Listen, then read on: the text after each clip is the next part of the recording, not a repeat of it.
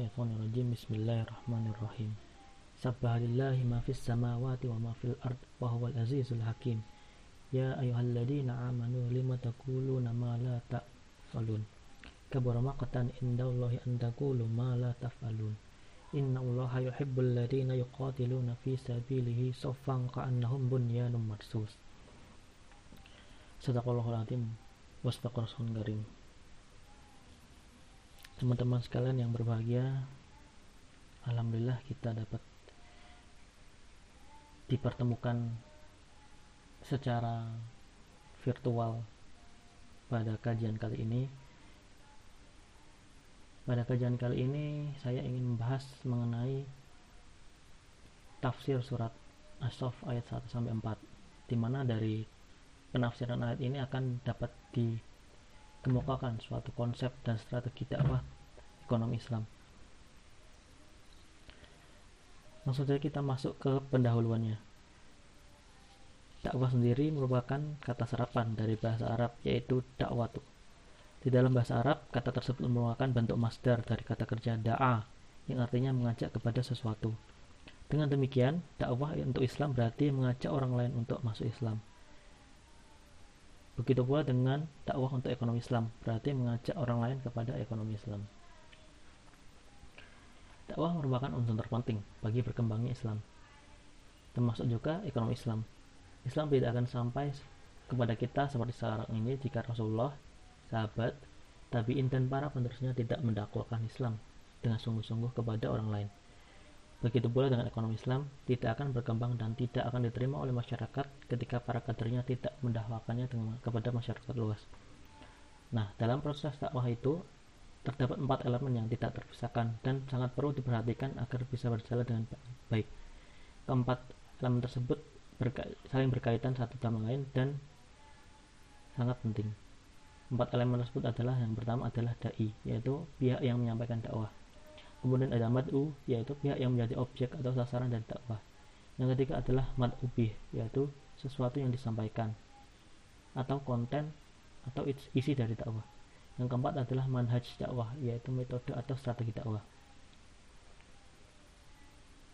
Nah, kemudian setelah kita mengetahui apa itu dakwah dan urgensinya kepada Islam dan ekonomi Islam mari kita melihat secara sekilas dari surat Asaf ayat 1 sampai 4 nah menurut mayoritas mufasir surat Asaf dikategorikan sebagai surat Madaniyah. Tapi menurut Ibnu Abbas surat ini dikategorikan sebagai surat Makiyah. Meskipun surat Asaf sendiri itu terdiri dari 14 ayat tapi yang akan kita bahas pada kesempatan kali ini adalah hanya pada ayat pertama sampai keempat saja karena ayat 1 sampai 4 tersebut mengandung beberapa hikmah yang perlu diaplikasikan dalam dakwah ekonomi Islam. Nah, surat Asaf sendiri dinamai dengan Asaf karena pada ayat ke keempat ini terdapat kata sofa yang berarti satu barisan. Ada beberapa riwayat mengenai sebab turunnya ayat-ayat tersebut. Yang pertama adalah menurut riwayat At-Tirmizi dan Al-Hakim Ayat ini turun kepada umat Islam yang berkata, andaikan kita mengetahui perbuatan yang paling disukai Allah oleh maka niscaya kita akan melakukannya. Namun ketika Allah menurunkan perintah untuk berjihad, mereka merasa keberatan dan membencinya. Oleh karena itu Allah menurunkan ayat 2 dan ayat 3 ini sebagai kecaman bagi mereka yang tidak mau melaksanakan apa yang telah mereka ucapkan. Nah, senada dengan riwayat tersebut, Ibnu Abi Hatim meriwayatkan dari Mukatil bahwa Ayat ini turun kepada umat Islam yang bertanya mengenai amal perbuatan yang paling disukai Allah. Allah menurunkan surat Asaf ayat 4 yang menjelaskan kewajiban berjihad dengan cara merapikan barisan. Meskipun demikian, mereka tidak mematuhinya dengan cara melarikan diri dari pertempuran bersama Nabi Muhammad SAW saat perang Uhud berkecamuk. berkecamuk. Oleh karena itu, Allah menurunkan surat ayat surat Asaf ayat 2 dan 3 yang berisi kecaman terhadap tindakan mereka yang tidak sesuai dengan perkataannya. Selain beberapa riwayat tersebut ada riwayat lain yaitu riwayat dari Qatada bahwasanya ayat ini diturunkan untuk mencela suatu kaum dari kalangan para sahabat Nabi Muhammad SAW. Dalam hal ini, salah satu di antara mereka menyombongkan suatu perbuatan yang baik yang sebenarnya tidak mereka kerjakan. Mereka berkata, saya sudah mengerjakan ini, saya sudah mengerjakan itu. Dengan demikian Allah mencela mereka yang menyombongkannya apa yang tidak mereka kerjakan sebagai pembohong. Sampai itu Abu Zaid berpendapat bahwa ayat ini turun kepada orang munafik, tetapi pendapat ini itu tidak dianggap kuat atau gairoroji karena dalam ayat kedua dari surat As-Saff tersebut Allah menggunakan lafaz ya ayyuhalladzina amanu yang berarti ditujukan kepada orang mukmin. Jika kita jika kita pahami lebih dalam surat As-Saff ayat 1 sampai 4 ini memiliki hikmah yang begitu berharga dalam kehidupan kita sehari-hari. Salah satu pelajaran berharga yang dapat kita ambil darinya adalah konsep dan strategi dakwah. Terutama dalam hal ini adalah strategi dakwah ekonomi Islam yang merupakan inti dari pembahasan ini.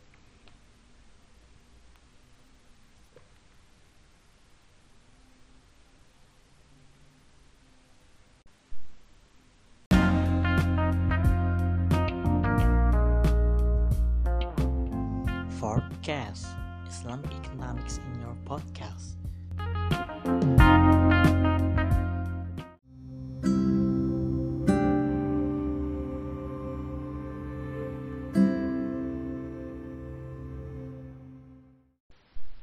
Tafsir Ekonomi Surat As-Saff ayat 1 A'udzubillahiminasyaitonirrajim Bismillahirrahmanirrahim. Sabbaha ma fis samawati wa ma fil ard wa huwal azizul hakim.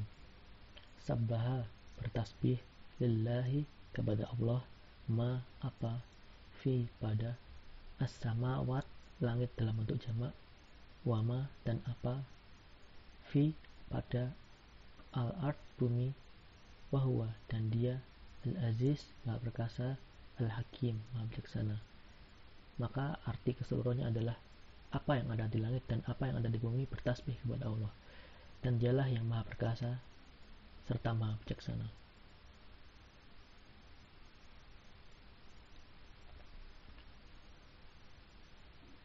Dari surat as ini Allah memulai dengan cara bertasbih yaitu memuji dirinya dengan segala sesuatu yang memang Allah Subhanahu wa taala layak untuk itu. Kemudian menjelaskan sifat-sifatnya yang agung yaitu menunjukkan keesannya kekuasaannya kemuliaannya serta kepahatawannya yang meliputi segala sesuatu.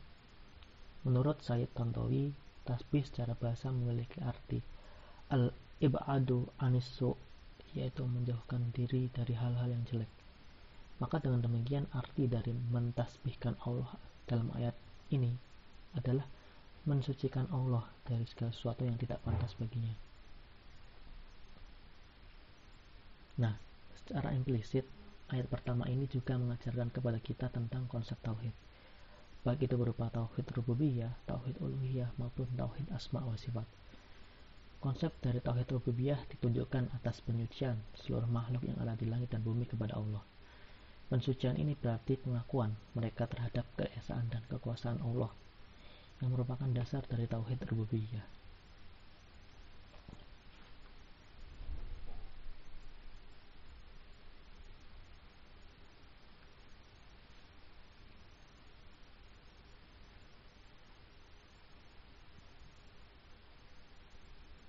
Nah, Bagaimana dengan surat as yang dimulai dengan ayat yang mengandung konsep tauhid? Maka sebelum menjalankan dakwah ekonomi Islam, maka para penggiat ekonomi Islam atau kita katakan di sini ekonomi urbani itu dituntut untuk memahami serta mengaplikasikan atau menerapkan konsep tauhid tersebut dalam kehidupan mereka sehari-hari. Jika dakwah ekonomi Islam itu dibaratkan sebagai sebuah bangunan, maka fondasinya itu tidak lain adalah tauhid. Hal ini sejalan dengan firman Allah ayat 3 surat Quran surat An-Nahl ayat 36 dan sungguh kami telah mengutus seorang rasul untuk setiap kamu. Sembahlah Allah dan jauhilah tabut.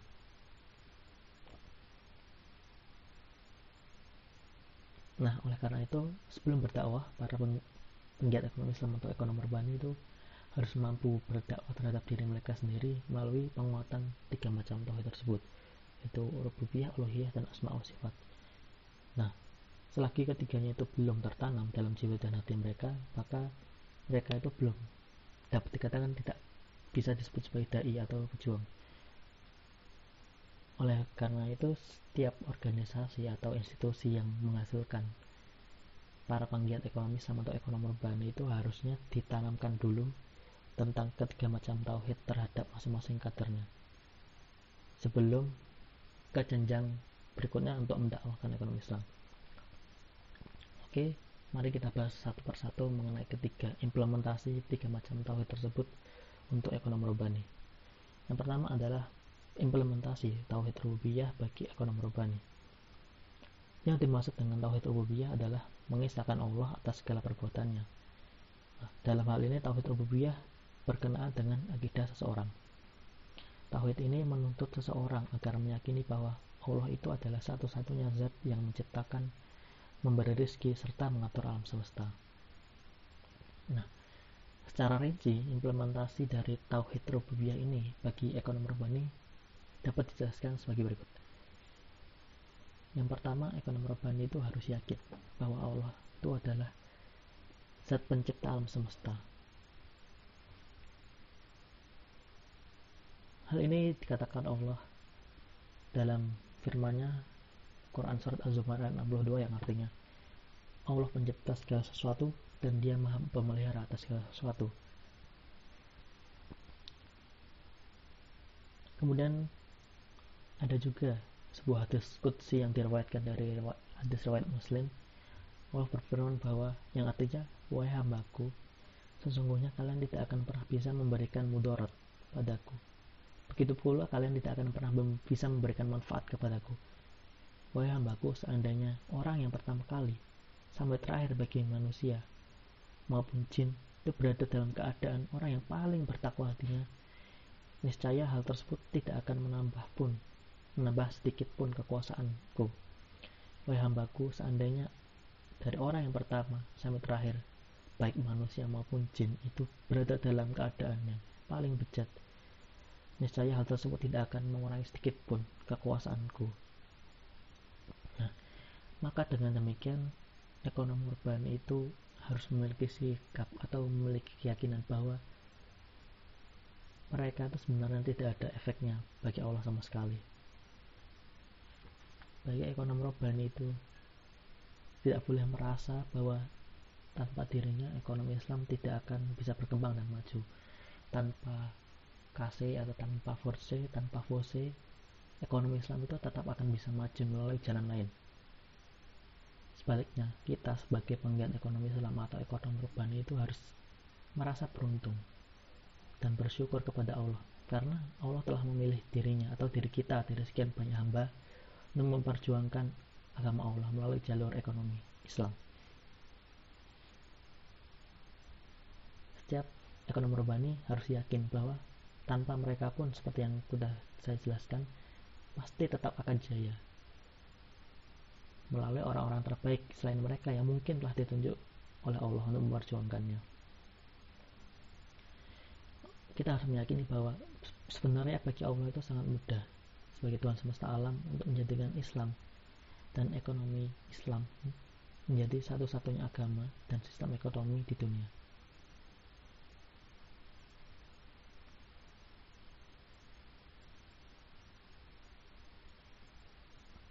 Kemudian yang kedua adalah ekonomi ekonomi urbani harus yakin bahwa Allah itu adalah Maha Pemberi rezeki.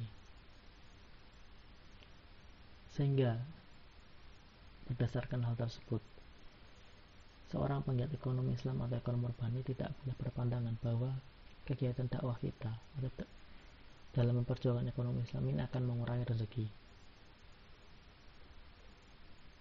Mungkin dalam konteks ini mungkin kalau kita mau sudah berkarir ketika kita dihadapkan pada kita memperjuangkan ekonomi Islam kemudian ada tawaran lain dari institusi keuangan konvensional yang lebih menggiurkan maka kita tidak boleh sama sekali berpaling. Karena melalui keyakinan atas hal ini kita biasanya dari bahwa Allah itu adalah maha pembawa rezeki maha pemberi rezeki sehingga kegiatan kita untuk berdakwah tidak akan mengurangi rezeki. Kita dapat meneladani suatu contoh dari Rasul. Saat itu Rasul dengan tegas menolak tawaran seorang petinggi Quraisy namanya Utbah bin Rabi'ah. Pada waktu itu Utbah menawarkan beberapa hal kepada Rasul supaya beliau mau meninggalkan dakwahnya dalam menyebarkan Islam. Di antara tawarannya adalah yang pertama, dia akan mendapatkan harta melimpah sehingga Rasul bisa menjadi orang yang paling kaya di antara suku Quraisy. Rasul juga ditawari kemuliaan dan kedudukan, kedudukan tinggi di antara kaum Quraisy.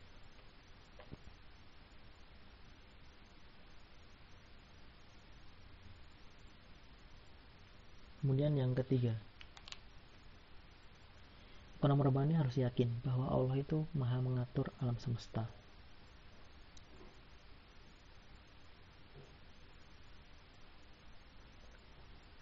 Hal ini sebagaimana perkataan Allah dalam surat As-Sajdah ayat 5 yang artinya dia mengatur segala urusan dari langit ke bumi. Maka dengan, dengan demikian, setiap ekonom urbani harus meyakini bahwa mereka itu hanya bisa berusaha dalam mendakwahkan serta mengembangkan ekonomi Islam. Sementara keberhasilan dari dakwah itu merupakan otoritas Allah, ya urusannya Allah. Hal ini sesuai dengan firman Allah dalam Quran surat Al-Qasas ayat 56. Sungguh engkau Muhammad tidak dapat memberi petunjuk kepada orang yang engkau kasihi.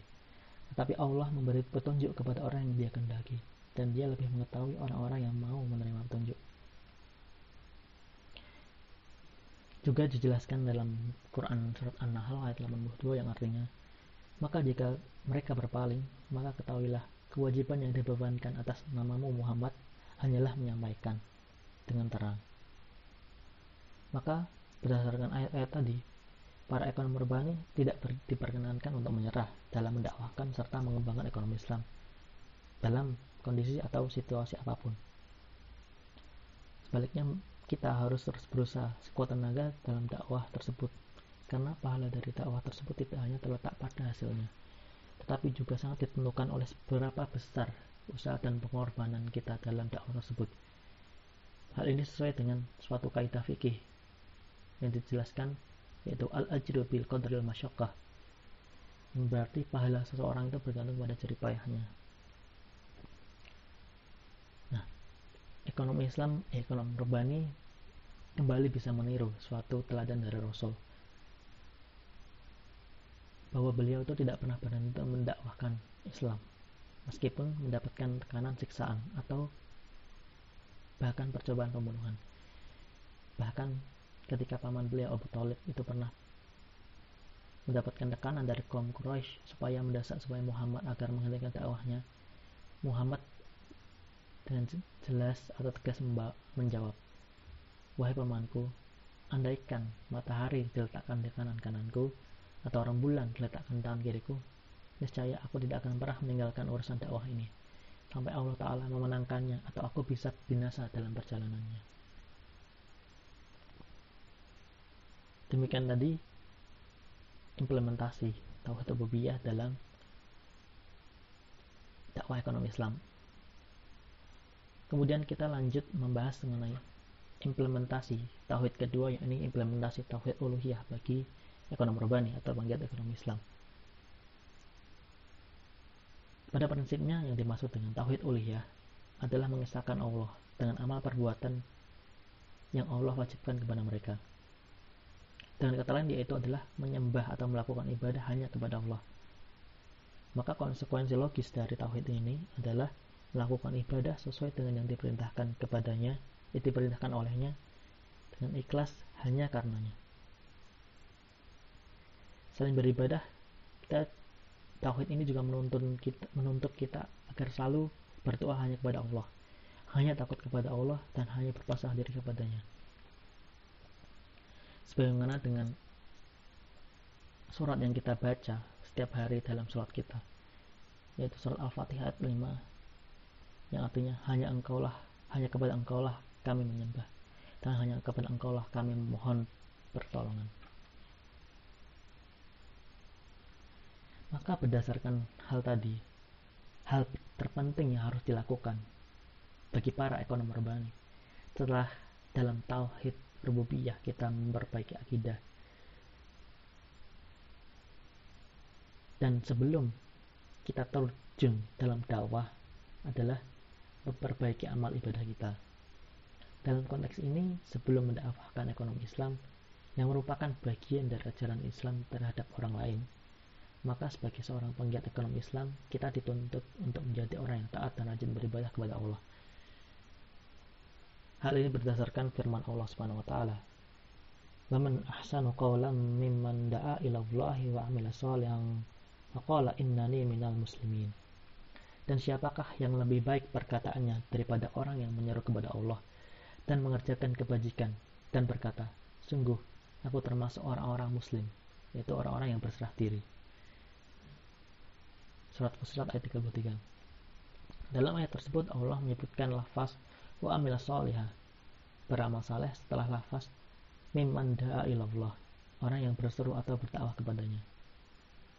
Menurut Ibnu Katsir hal itu menunjukkan bahwa sebelum seseorang berdakwah kepada orang lain dia harus lebih dahulu beramal saleh serta menjalankan ibadah dengan baik. Dengan demikian maka dia sebagaimana yang sudah dijelaskan di awal tadi dia tidak tidak tergolong terhadap orang yang memerintahkan kebaikan tetapi dia meninggalkan apa yang dia perintahkan tersebut. Nah, konsekuensi logis dari tuntutan tersebut adalah karena kita harus beribadah dengan baik sebelum mendakwahkan ekonomi Islam, kita harus mengetahui tata cara ibadah dengan baik. Maka kita harus mengetahui tata cara ibadah dengan baik tidak sebatas pengetahuan tentang ekonomi Islam semata.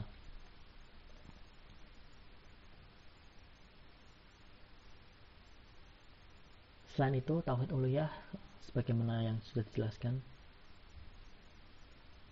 menuntun seseorang untuk menjalankan ibadah dengan ikhlas hanya untuk Allah. Ikhlas itu tidak hanya dalam ibadah saja sebagaimana yang sudah dijelaskan tadi, tapi juga dalam dakwah ekonomi Islam. Karena ekonomi Islam itu sejatinya juga merupakan ibadah. Jadi keikhlasan merupakan sesuatu hal yang mendasar yang harus tertanam bagi para dai atau ekonom urbani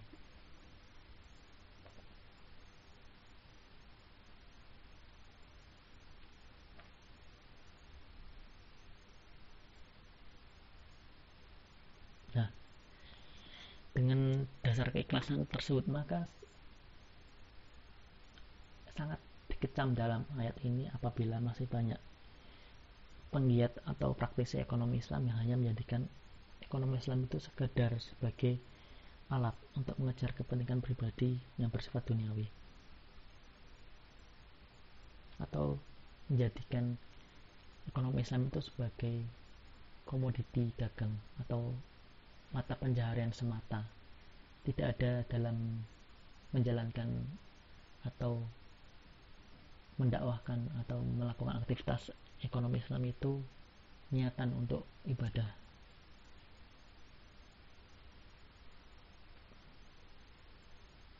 Maka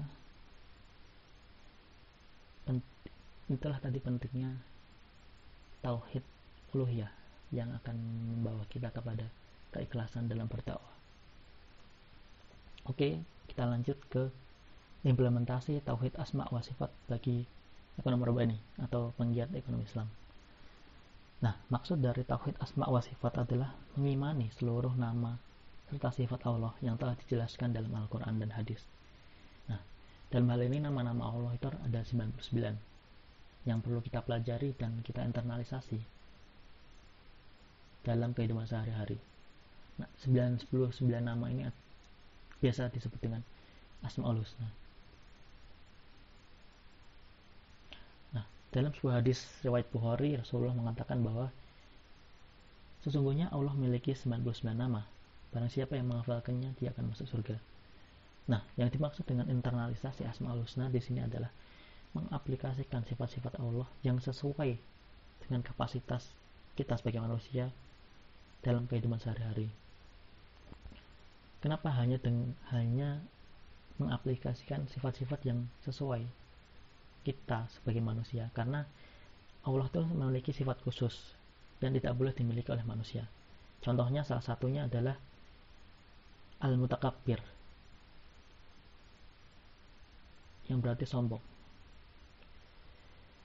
Hal ini dijelaskan sebagai dalam sebuah hadis qudsi bahwa Allah berfirman yang artinya kesombongan adalah selendangku sedangkan keagungan adalah sarungku. Barang siapa yang menentangku dengan salah satu dari keduanya maka akan aku lemparkan dia ke neraka. Hadis riwayat Ahmad, Al-Hakim, Abu Dawud, Ibnu Majah, dan Ibnu Hibban. Nah, menurut Al-Albani, hadis ini merupakan hadis sahih. Nah, dari 99 nama tersebut, beberapa di antaranya dapat kita internalisasi karena sesuai dengan sifat kita sebagai manusia yang juga disebutkan dalam ayat satu ini adalah Asmaul Husna yang namanya atau sifat Al-Aziz dan Al-Hakim. Pertama, Al-Aziz itu berarti maha perkasa atau maha mulia. Kata Al-Aziz itu berasal dari kata masdar Al-Az berarti memiliki arti kuat, keras, serta menang. Berdasarkan kata tersebut, maka pemakaian kata Al-Aziz bagi Allah itu menunjukkan arti bahwa Allah itu adalah zat yang maha kuat dan maha perkasa, serta mengalahkan segala sesuatu. Selain kuat atau maha perkasa, Al-Az tadi juga sebagai dapat diartikan sebagai kemuliaan. Dengan demikian Al-Aziz juga dapat diartikan sebagai zat yang maha mulia. Maka dari pengertian kata Al-Aziz yang memiliki dua arti tadi, maka ada dua sifat penting yang harus kita internalisasi sebagai ekonomi pribadi. Yang pertama, Al-Aziz yang berarti perkasa atau kuat. Nah, maka kita sebagai ekonomi urbani kita harus memiliki kekuatan hal ini juga dijelaskan dalam firman Allah dalam surat Al-Anfal ayat 60 yang artinya dan persiapkanlah segala sesuatu segala kemampuan untuk menghadapi mereka dengan kekuatan yang kamu miliki dan dari pasukan berkuda yang dapat mengentarkan Allah musuhmu dan orang-orang selain mereka yang kamu tidak mengetahuinya tetapi Allah mengetahuinya apa saja yang kamu infakkan di jalan Allah niscaya akan dibalas dengan cukup kepadamu dan kamu tidak akan dizalimi. Nah, dalam ayat tersebut Allah memerintahkan kita untuk mempersiapkan kekuatan dalam menjalankan dakwah. Menurut Ar-Razi yang dimaksud dengan kata kawah atau kuat dalam ayat tersebut adalah mayakun. Mayakun saba an li lil kuwah yaitu segala sesuatu yang bisa menghasilkan kekuatan maka dengan demikian kekuatan di sini bersifat lebih umum yang mencakup segala sesuatu yang mampu memperkuat serta mendukung keberhasilan dakwah baik bersifat fisik maupun non fisik apa saja kekuatan kekuatan itu? Yang pertama adalah kekuatan mental. Setiap ekonomi urbani harus mempersiapkan mental mereka sebelum terjun ke medan dakwah. Hal ini disebabkan dalam menjalankan dakwah, para ekonom urbani akan dihadapkan kepada beberapa ujian serta cobaan yang telah Allah sediakan untuk menguji keteguhan mereka. Ujian tersebut dapat meliputi dua hal, yaitu hal yang menyakitkan seperti tekanan atau merasa terasing. Seperti firman Allah dalam surat Al-Baqarah 155 dan kami pasti akan menguji kamu dengan sedikit ketakutan, kelaparan, kekurangan harta, jiwa, dan buah-buahan. Dan sampaikanlah kabar gembira kepada orang sabar. Serta surat Muhammad ayat 31, dan sungguh kami benar-benar akan menguji kamu sehingga kamu sehingga kami mengetahui orang-orang yang benar-benar berjihad dan bersabar di antara kamu. Dan kami uji perihal kamu dan akan kami uji perihal kamu. Selain tadi ujian yang bersifat sesuatu yang tidak menyenangkan, Ekonomi pribadi juga akan dihadapkan pada ujian-ujian yang bersifat menyenangkan. Contohnya adalah tawaran, kalau misalnya kita sudah berkarir, tawaran untuk bekerja di institusi keuangan konvensional dengan kedudukan serta honor atau remunerasi yang sangat menggiurkan dan jauh melebihi apa yang ditawarkan oleh institusi keuangan syariah. Nah, ujian dalam bentuk kedua ini kadangkala lebih berbahaya jika dibandingkan dengan ujian yang bentuk pertama. Mengapa? Karena mengingat watak manusia. Watak manusia itu memiliki watak yang serakah sehingga sering kali terlena dengan kenikmatan-kenikmatan semata. Hal ini juga merupakan fitrah manusia sebagaimana yang dijelaskan dalam Allah dalam surat Al-Imran ayat 14. Dijadikan terasa indah dalam pandangan manusia cinta terhadap apa yang dia inginkan. Berupa perempuan-perempuan, anak-anak, harta benda yang bertumbuk dalam bentuk emas dan perak. Kuda-kuda pilihan, hewan ternak, dan sawah serta ladang itulah kesenangan hidup di dunia dan di sisi Allah lah tempat yang baik tempat kembali yang baik yang kedua adalah selain kekuatan mental adalah kekuatan dalam bentuk kekuasaan. Kekuasaan sendiri sebenarnya bukanlah hal tabu yang harus dihindari. Sebaliknya kekuasaan itu dapat membantu keberhasilan dakwah. Ketika semakin banyak ekonom urbani yang menduduki jabatan-jabatan strategis maka secara otomatis perkembangan dari dakwah ekonomi Islam akan semakin mudah dicapai. Salah satu buktinya dalam sejarah Indonesia adalah kasus pengesahan UU Perbankan Syariah yang baru bisa disahkan tahun 2008. Padahal sebenarnya draft UU tersebut itu sudah bisa diajukan beberapa tahun sebelumnya. Lambatnya hal ini karena tidak lain disebabkan kader atau penggiat ekonomi Islam atau yang pro Islam yang berada di lembaga legislatif itu sangat sedikit yang menyuarakan ekonomi Islam.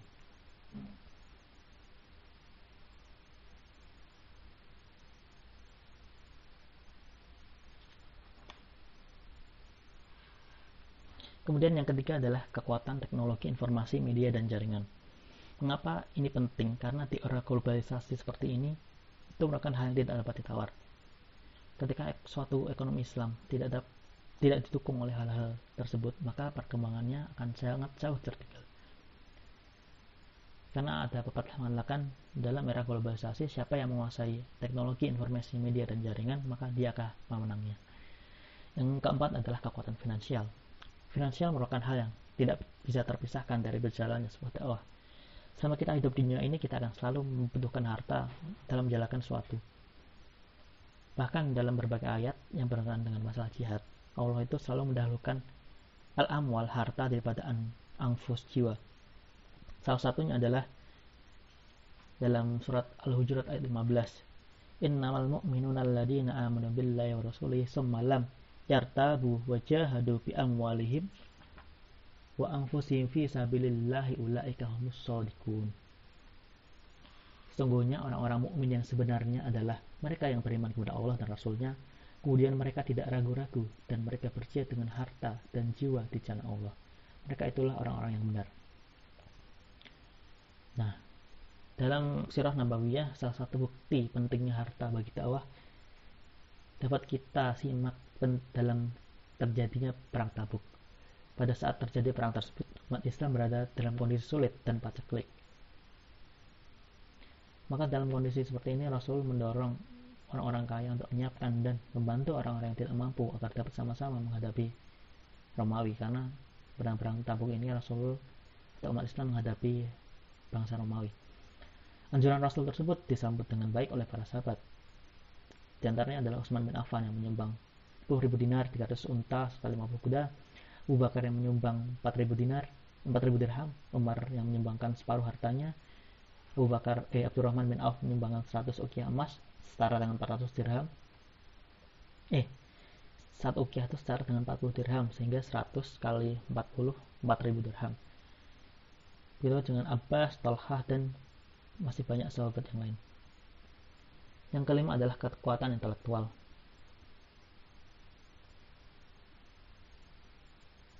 maksudnya adalah dalam kekuatan intelektual ini maksudnya adalah maka setiap ekonom robani itu harus menguasai basis ilmiah yang kuat. Dengan kekuatan ini, maka mereka dapat meyakinkan akan meyakinkan orang lain akan keunggulan ekonomi Islam.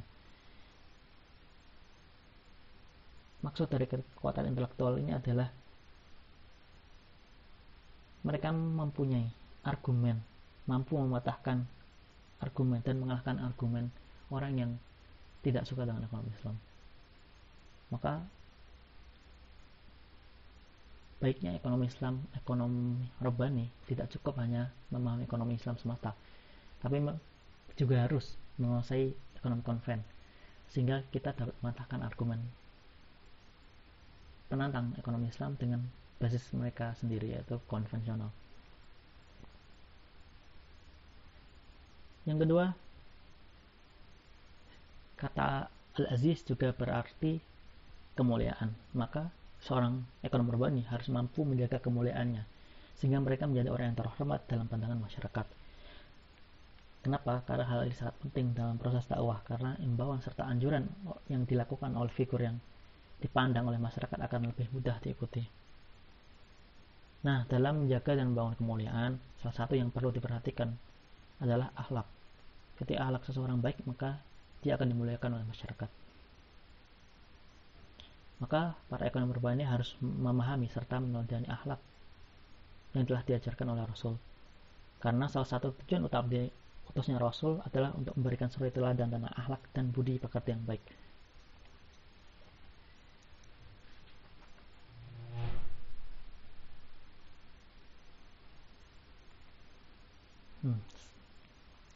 Kedua, oh ya, maksudnya Asmaul Husna kedua yang dapat kita implementasikan adalah Al-Hakim yang berarti maha bijaksana. Maka dalam hal ini para ekonom urbani harus menyebarkan dan menyampaikan ekonomi Islam kepada orang lain dengan cara yang bijaksana. Bijaksana dalam bisa dalam bentuk perbuatan maupun dalam bentuk perkataan. Kebijaksanaan merupakan salah satu kunci dalam kesuksesan dakwah ekonomi Islam kepada dunia. Di antara sikap bijaksana dalam menyampaikan dakwah adalah mampu menyampaikan dakwah dengan cara dan metode yang sesuai dengan karakteristik, kapasitas, serta keadaan pihak yang menjadi objek dakwah. Maka dalam hal ini metode yang digunakan untuk mendakwakan ekonomi Islam kepada pihak yang memiliki keterkaitan emosional atau keterkait keter, ketertarikan dengan Islam harus berbeda dengan metode yang digunakan untuk menghadapi pihak yang selalu berpikir rasional yang hanya melihat sesuatu dari untung ruginya saja. Begitu pula metode yang digunakan untuk menghadapi pihak yang pemahamannya baik tentang Islam harus berbeda dengan metode yang digunakan untuk menghadapi pihak yang hanya memiliki pemahaman ekonomi saja.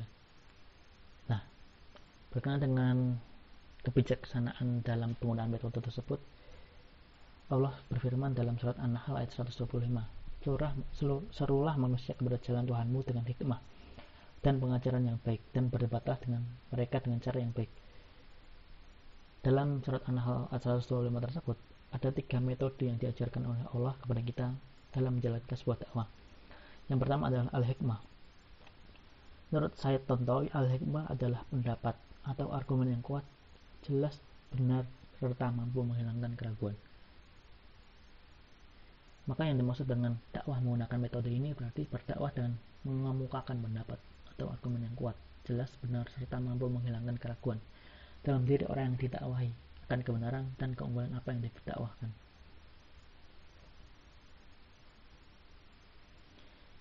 Kemudian yang kedua adalah al-mu'izah al-hasanah atau pelajaran yang baik. Menurut Syed Tontowi, al-mu'izah al-hasanah adalah perkataan-perkataan yang mengandung pelajaran yang disampaikan dengan cara yang lembut sehingga menjadi menjadikan hati orang yang mendengarkannya tertarik terhadap apa yang didakwahkan. Menurut Al-Baidawi, penyampaian dakwah dengan menggunakan metode Al-Mau'izah Al-Hasanah seperti ini digunakan untuk menghadapi orang-orang awam yang memiliki rasa ingin tahu terhadap apa yang kita dakwahkan. Dalam konteks dakwah ekis, metode penyampaian dakwah menggunakan Al-Mau'izah Al-Hasanah digunakan untuk menghadapi masyarakat yang tidak memiliki banyak pengetahuan tentang ekonomi Islam, tapi mereka tidak menentang atau melakukan keunggulan ekonomi Islam. Sementara untuk metode al-hikmah Metode ini diperlukan ketika kita menghadapi para ekonom yang memiliki pemahaman yang bagus tentang ekonomi konvensional tapi kurang memahami ekonomi Islam. Sehingga kita harus mampu mengutarakan argumen-argumen yang bisa meyakinkan mereka atas keunggulan ekonomi Islam. Yang ketiga adalah mujadalah atau berdebat dengan cara yang baik.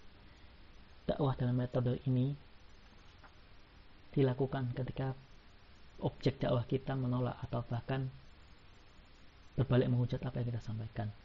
Maka dalam berdebat, menghadapi pihak seperti ini, kita dituntut untuk bisa memberikan argumen yang kuat dan mampu mematahkan pemahaman mereka yang salah apa terhadap apa yang kita sampaikan. Meskipun demikian, dalam menyampaikan debat tersebut kita dituntut, dituntut untuk bisa menyampaikan dengan cara yang sebaik mungkin sehingga mampu menjadikan orang yang semula menolak apa yang kita sampaikan jadi menerima dengan baik dan lapang hati.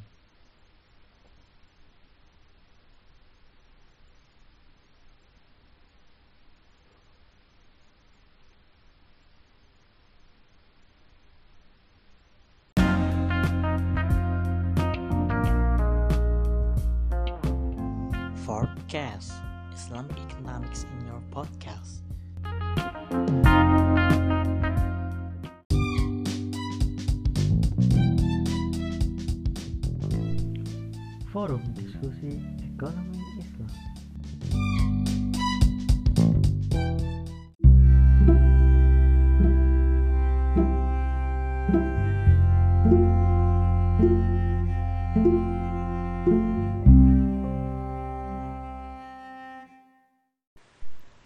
Oke lanjut ke tafsir ekonomi surat As-Sof ayat 2 dan 3 A'udzu billahi minasyaitonir rajim. Ya ayyuhalladzina amanu lima taquluna ma la taf'alun. Kabura maqtan indallahi an taqulu ma la taf'alun. Wahai orang-orang yang beriman, mengapa kamu mengatakan sesuatu yang tidak kamu kerjakan? Itu sangatlah dibenci di sisi Allah jika kamu mengatakan apa yang tidak kamu kerjakan.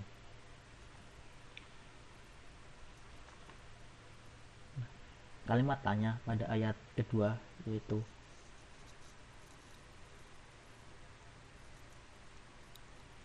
lima takulun ma taf'alun. Mengapa kamu tidak mengatakan sesuatu yang mengapa kamu mengatakan sesuatu yang tidak kamu kerjakan? Bermaksud bukan merupakan untuk mencari tahu tentang suatu perkara. Karena kenapa Allah harus mencari tahu? Karena dialah yang maha mengetahui segala sesuatu.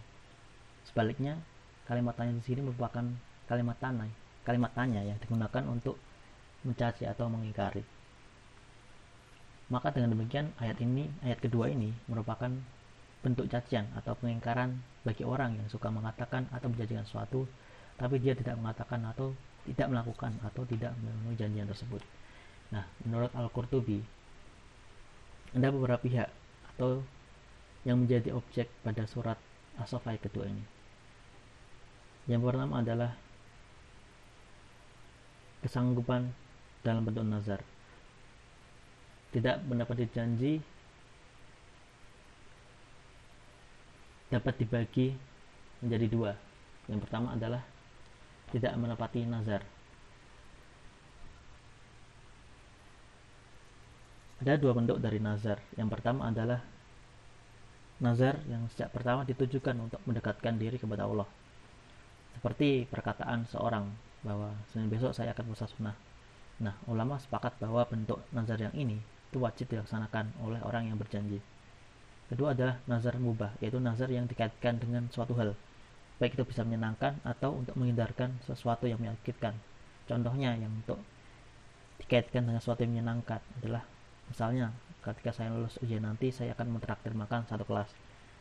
Sementara yang satunya adalah untuk contoh mengandungkan nazar terhadap sesuatu untuk menghindari sesuatu hal yang buruk adalah Contohnya, apabila Allah menyelamatkan saya dari suatu bencana, maka saya akan bersedekah berapa juta ke sebuah panti Nah, ulama sendiri berbeda pendapat tentang kewajiban memenuhi nazar untuk bentuk ini.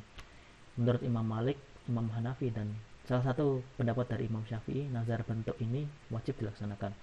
Namun menurut sebagian pendapat dari mazhab Syafi'i, tidak mewajibkan memenuhi nazar bentuk ini. Sementara Al-Qurtubi yang mengutarakan pendapat ini lebih memilih untuk mewajibkan memenuhi nazar bentuk ini. Karena menurutnya sifat dari nazar ini merupakan sifat keumuman dan kemutlakan dari surat asaf ayat kedua. Yang kedua selain nazar ada janji terhadap manusia. Al-Qurtubi berpendapat bahwa janji itu harus ditepati dalam keadaan apa pun kecuali karena adanya ujur syar'i yang dibenarkan. Namun bagi mayoritas ulama kewajiban ini bukan kewajiban dalam bentuk hukum positif, melainkan kewajiban secara moral dan tanggung jawab agama. Rasulullah sendiri sangat mengecam orang yang tidak menepati janji serta menganggapnya sebagai seorang munafik. Rasulullah bersabda, ayatul munafik salasah idza hadatsa kadzaba wa akhlafa wa idza tumina khana tanda-tanda orang munafik ada tiga. Ketika berbicara dia berbohong. Ketika berjanji dia tidak menepati. Dan ketika dia percaya dia berkhianat. Hadis riwayat Bukhari dan Muslim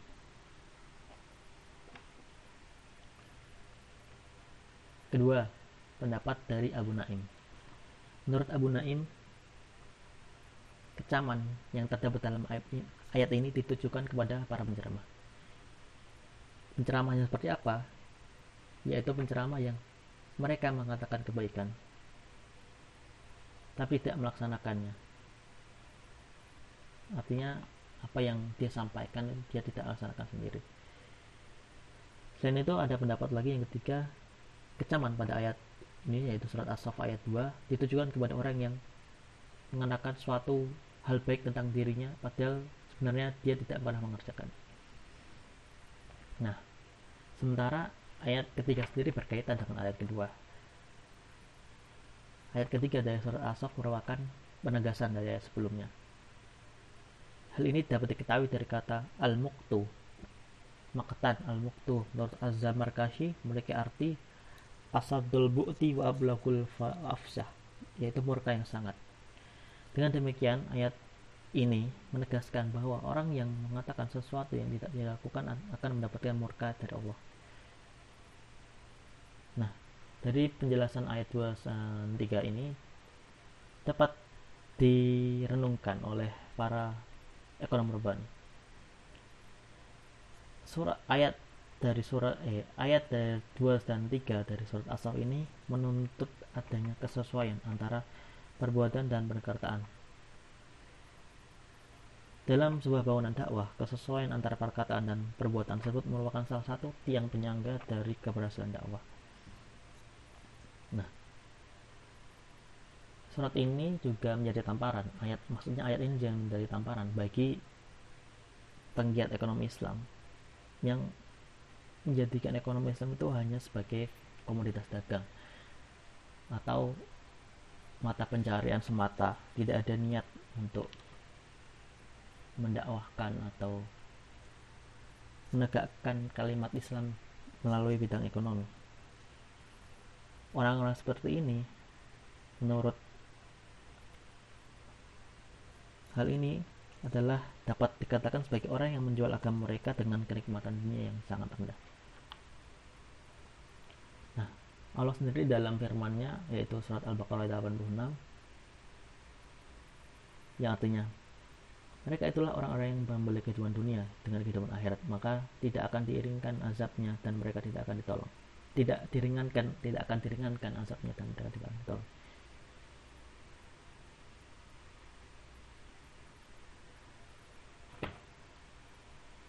Maka para ekonom urbani harus menjaga integritas mereka. Apa itu integritas?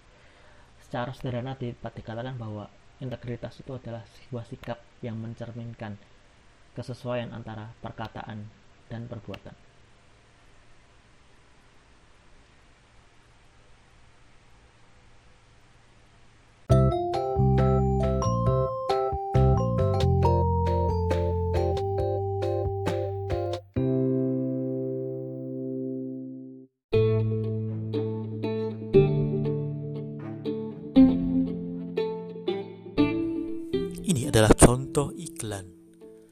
Institut Teknologi Bisnis AS Indonesia.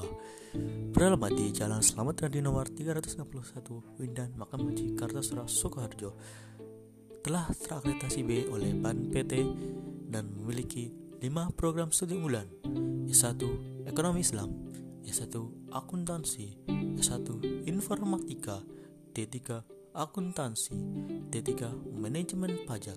Telah bekerja sama double degree dengan Lincoln University Malaysia, dan banyak perguruan tinggi lainnya di Asia Pasifik.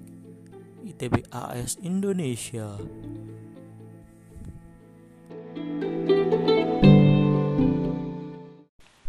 Lanjut ke bagian kelima, tafsir ekonomi, surat As-Saff ayat 4. A'udzubillahi minasyaitonirrajim. Innallaha yuhibbul ladzina yuqatiluna fi sabilihi shaffan ka'annahum bunyanun marsus. Sesungguhnya Allah mencintai orang-orang yang berperang di jalannya dalam barisan yang teratur. mereka seakan-akan seperti suatu bangunan yang tersusun kukuh. Nah, ayat ini dapat dimaknai sebagai ujung tombak dari sebuah proses dakwah, termasuk dalamnya dakwah ekonomi Islam.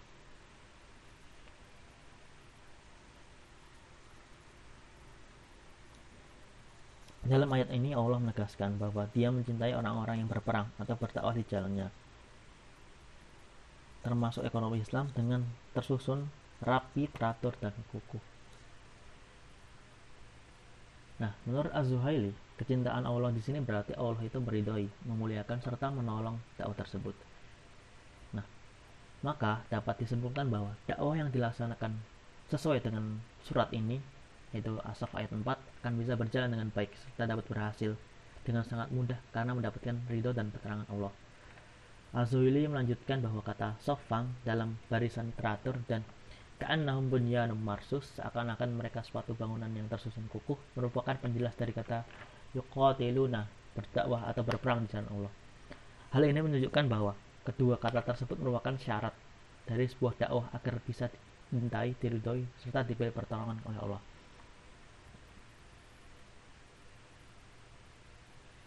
Maka bagaimanakah syarat dakwah yang dicintai Allah atau dakwah yang akan berhasil? Yang pertama adalah sofa berjamaah. Tidak mungkin suatu soft bisa tersusun jika tidak ada jamaah atau hanya ada seorang saja.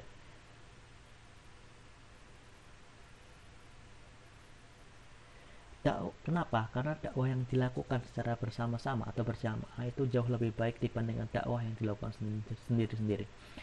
Sehebat apa pun seseorang pasti dia memiliki keterbatasan. Nah, di sinilah peran penting peran penting dari dakwah jamaah yang mampu mengumpulkan kekuatan-kekuatan kecil yang ada pada setiap anggota menjadi sebuah kekuatan besar. Dengan adanya jalan dakwah jamaah ini, kelemahan-kelemahan yang dimiliki oleh setiap anggota akan bisa ditutupi serta dilengkapi oleh anggota yang lain. Ibaratkan kata sebuah sapu lidi yang mampu menggabungkan kekuatan-kekuatan kecil yang dimiliki setiap lidi, seikat sapu lidi bisa membersihkan suatu yang tidak dibersihkan oleh satu batang lidi. Nah, selain menunjukkan pentingnya jama'i, perintah untuk berdakwah secara bersoft juga berarti perintah untuk mengelola dan menata dakwah secara bersama itu dengan rapi. Hal ini sesuai dengan pendapat Sayyid Tantawi dalam kitab tafsirnya Tafsir Al-Wasid bahwa kata saf yang digunakan untuk segala sesuatu bahwa kata saf itu digunakan untuk segala sesuatu yang tampak tertata dengan rapi. Hal ini sejalan dengan perkataan dari Sayyidina Ali bin Abi Thalib. Al-haqqu bi ghairi nidam yal ibuhu al batil binidom. Kebenaran yang tidak dikelola dan diorganisasi dengan baik akan dapat dikalahkan oleh kebatilan yang dikelola dan diorganisasi dengan baik. Yang kedua, setelah dakwah itu sofan, yaitu soft yang rapi, maka perlu dakwah itu ka'annahum bunyanum marsus.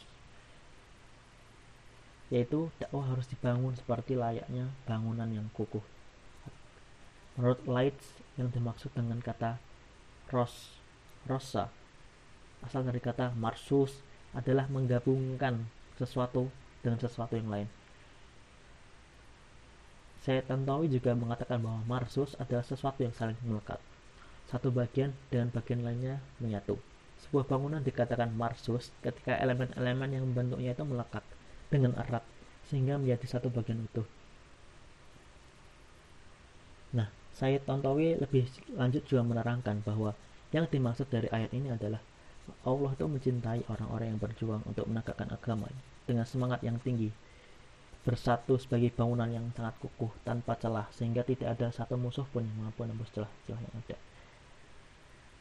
Nah, berdasarkan penafsiran beberapa penafsiran tersebut dari Said Tontowi dan dari Lights, dapat kita ambil kesimpulan bahwa suatu dakwah itu perlu ada satunya kesatuan ukhuwah yang erat.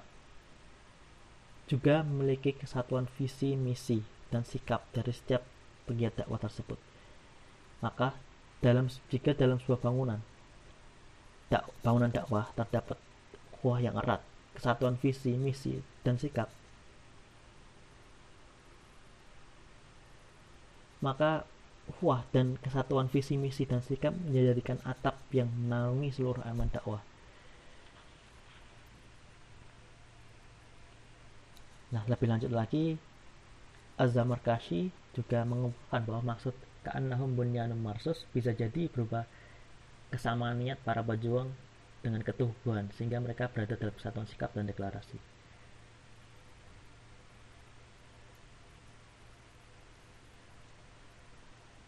Maka seyogianya suatu penggiat dakwah yang memiliki tujuan bersama dalam hal ini dalam ekonomi Islam harus memiliki kesatuan visi besar yang ingin dicapai. Selain itu, selain kesatuan visi yang besar dicapai juga harus disokong dengan ukhuwah yang erat.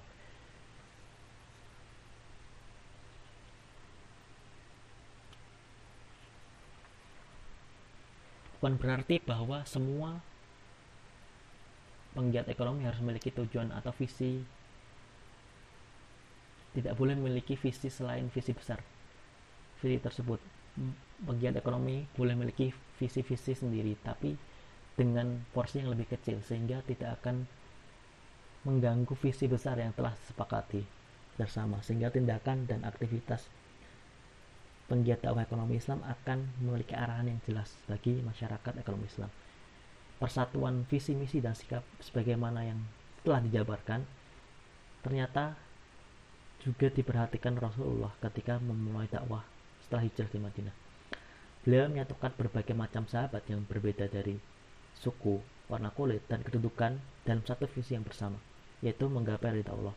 Bayangkan sahabat itu ada yang berasal dari golongan hamba saya, ada yang berasal dari orang miskin, dari suku awal suku Khazraj, dari golongan muhajirin dari Ansor, ada yang juga seorang kaya, orang miskin, dan sebagainya. Mereka disatukan dengan kesamaan visi, yaitu menggapai ridha Allah.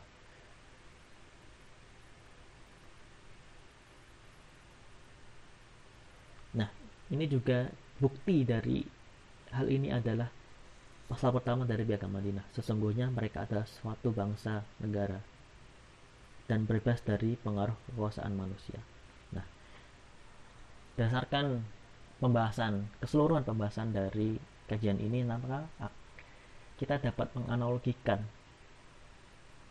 konsep dan strategi dakwah ekonomi Islam dengan sebuah bangunan.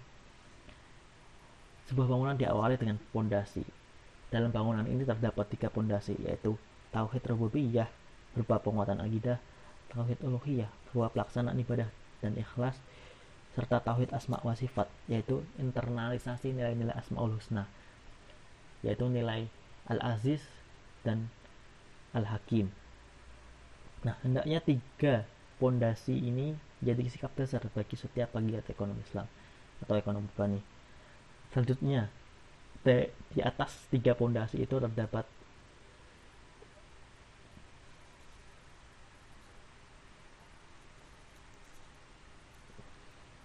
tiga tiang yang pertama adalah amal jama'i atau dakwah yang bersoft atau rapi kemudian adanya integritas atau kesesuaian antara perkataan, perbuatan, dan sikap serta manajemen organisasi Ketiga elemen ini akan menjadi metode dan strategi dakwah ekonomi Islam.